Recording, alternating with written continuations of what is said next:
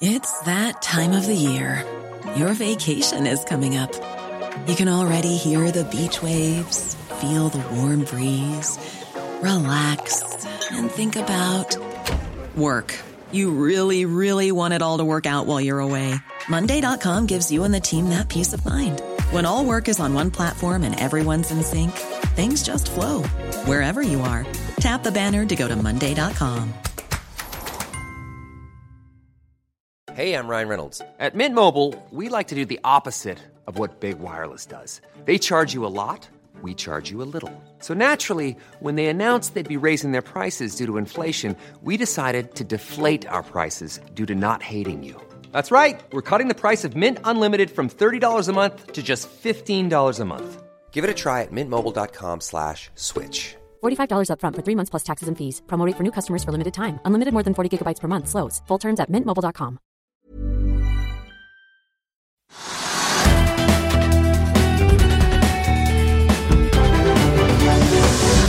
begynner her hjemme med en helt flat eh, Oslo Børs i dag. Helt flat, er helt riktig, og ganske kjedelig. Den har kanskje vært opp, eh, eller ned minus 0,1% eller sånn de siste timene. Men det er helt flatt, eh, og det skjer jo ikke så veldig mye annet enn med de, de selskapene vi alltid snakker om, og skal snakke litt om i dag også. Men vi må jo snakke om oljeprisen. Jeg følger veldig nøye oljeprisen og syns det er veldig spennende. Og Vi var jo over 75 dollar på et tidspunkt for Brenten siste uke, og så ja, vi, altså, vi var både på lettoljen og Brenten var ganske mye opp, og så ramlet markedet sammen på fredag. Og nå er da oljeprisen ned 3 dollar på fat. altså Lettoljen er ned 3 dollar på fat, og Brenten er ned 3 dollar på fat. og da Brenten ligger på 72 dollar på fat. Eh, Og det er et ganske kraftig fall. da. Eh, Og det kom jo fordi at eh, Donald Trump begynte å uttale seg på Twitter om liksom at han hadde ringt til OPEC og sagt at nå må du sette ned oljeprisen og sånn. Og når han sier 'sett ned oljeprisen', da mener han at OPEC bare hopper Ja, men noen, noen tror det, at det og, skjer. og skrur opp Ja. kraner og skal pumpe Ja. som aldri før. Ja, men noen tror at det også har skjedd, eller vil skje, eller at det vil påvirke aktørene, vil påvirke Russland, som kanskje da vil produsere litt mer enn de nå gjør. Kanskje OPEC-landene vil produsere litt mer, osv. Så, han, så han tror han kan påvirke oljeprisen. Men kan konkret. han det? Ja, det, det han har, den har gått til 3 dollar på fat. Det er ganske mye, for det er bare sånn jevnt tig oppover. og Mange hadde regnet seg til at liksom oljeprisen godt kunne gå i 80 dollar eller 85 dollar på fat. Og så falt den da altså fra fredag vi snakket sammen her, Ja. til, til i dag, så har den falt 3 dollar på fat. Så han kan påvirke markedet. Og så har vi da Equinor som er ned 2 og Aker BP som faller 1,5% Burde ikke da egentlig Oslo Børs, som er en oljedrevet børs, vært eh, kraftig ned i dag?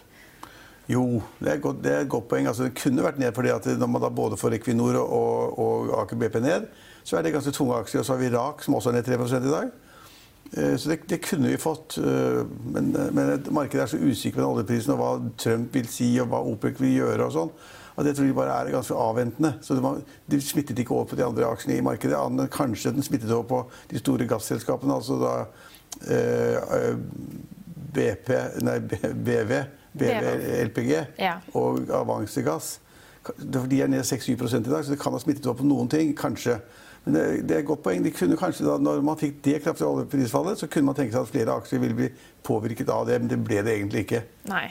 Og I dag morges så var det da nye SAS-reisende som våknet opp til kanselleringer. Det var, ble kansellert 667 nye avganger, og 60, nesten 61 000 passasjerer blir rammet av nye kanselleringer. Ja, altså Hvis man tar dagen og i morgendagen, da, som de også har varslet for, til sammen har man regnet ut at eh, 270 000 passasjerer blir rammet av det. Det er veldig mye. Og det var en katastrofe å stå der og håpe at det kommer med og ikke kommer.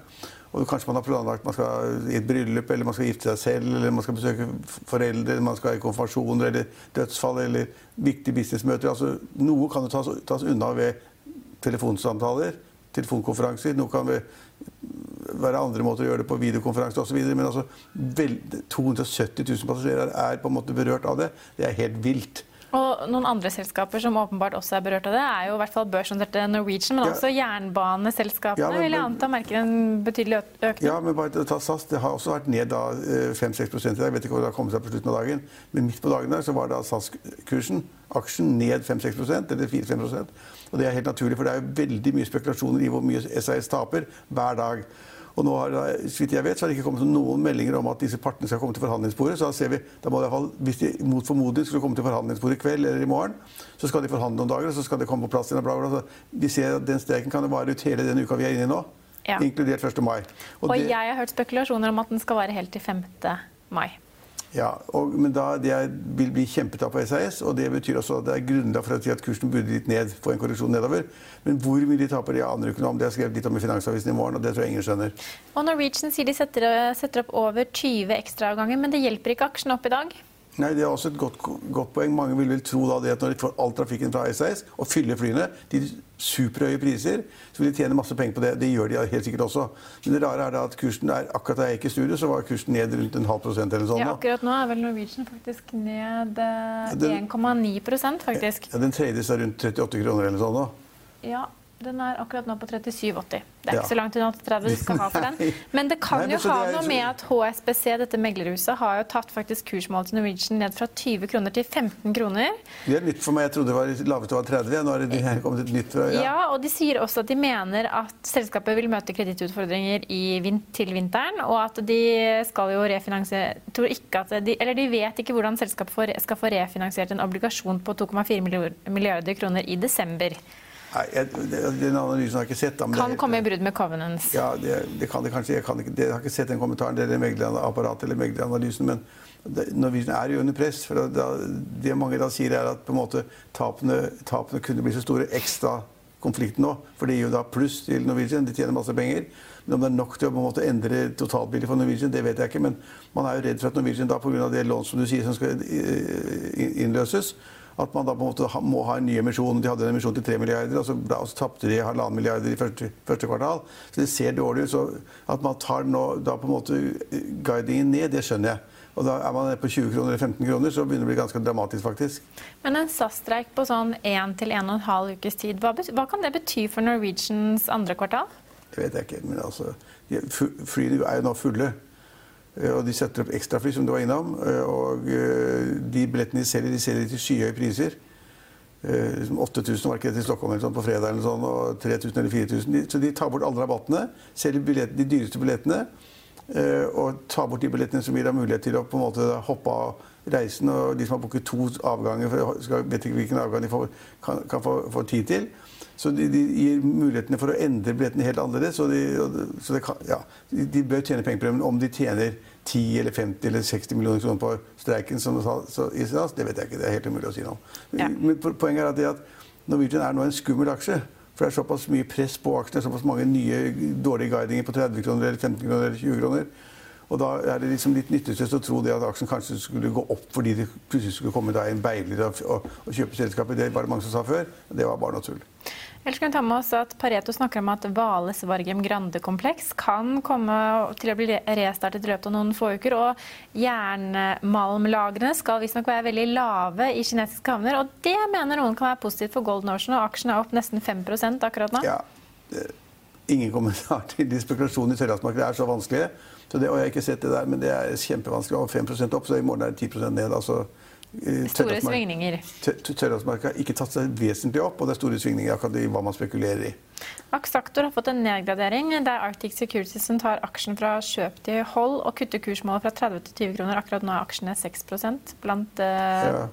dagens taperaksjer. Ja, men ja, den kan jeg ikke mer om. Vi bør ta NL, altså ja. hydrogenselskapet, som, som er vinneren. Altså, Den er jo opp 7-8 eller sånt. Ja, i hvert fall 6,5 akkurat nå. Ja, det er nesten 7 Nei, 7,5 akkurat nå. Ja, det er 7 Og er, Den har jo vært vinner mange dager på rad. Hvis jeg ikke husker helt feil, så var det 8. mai på fredag. Og Det er det Otam har i dag også. Og så er det veldig stort volum. Det er omsatt aksjer for nesten 200 millioner kroner. Det vil si det at når aksjen stiger så kraftig med et så stort volum, så er det store kjøpere ute i markedet. Ja, og vi kan jo også ta med at eh, På fredag så kom det jo en kommentar eller en oppgradering fra Nordnes Securities hvor det ble trukket frem at aksjen kunne være en potensiell doblingskandidat. og Da gikk jo aksjen til ny all time high. Og så er den opp i dag. ny all time high. Ja. ja.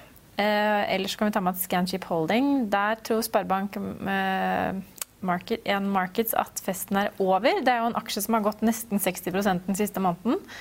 Men en analytiker i Sparebank1 Markets mener at aksjen er overvurdert og setter et nytt kursmål på 8,50, som betyr at nedsiden er på nesten 24% Ja, sånn er det. Så da skal vi kanskje ikke kjøpe det. Men din gode venn Petter Stordalen, han tror på seismikk, han Trygve? ja, jeg har sett at han har kjøpt, plassert 50 millioner eller 40 millioner i da, kanskje det er vel landets tredje største seismikkselskap.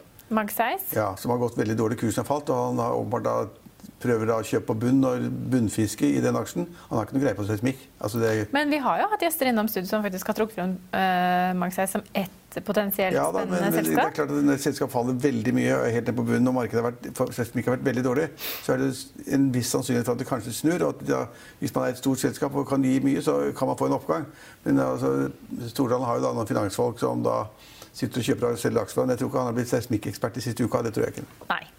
Eh, ellers så kan vi ta med at Idex eh, klatrer på nyheten om at de samarbeider nå med Shutian Dragon og Pax Technology for å øke bruken av biometriske betalingskort i Asia. Og det sender faktisk aksjen opp. Men eh, hvor mye den er opp akkurat nå, det har jeg ikke på foran meg. Den var i hvert fall opp 4-5 tidligere i dag. Ja. Så et Kid, alle har et forhold til Kid. Er ikke det sånne Steike fine gardiner. Gard Steike fine gardiner, ja. Og puter og sånn. Og den er jo, det, er, vi- det er jo da Gjelsten som står bak det selskapet og kontrollerer det selskapet. Og, den har plutselig falt nå 3-4 i dag. Jeg vet ikke hvorfor. Nei. Men den har liksom går hele tiden litt, og han er veldig flink og gjør de riktige tingene hele tiden. Så. Og også nevne for øvrig da, at eh, i tillegg til oljeselskapet som har falt, så har det altså Aker falt, som er den største aksjonæren i Aker BP. Men det skyldes da at de har delt ut utbytte i dag. Ja. Det må vi vel nesten kunne si var hovedtrekkene på en stille mandag.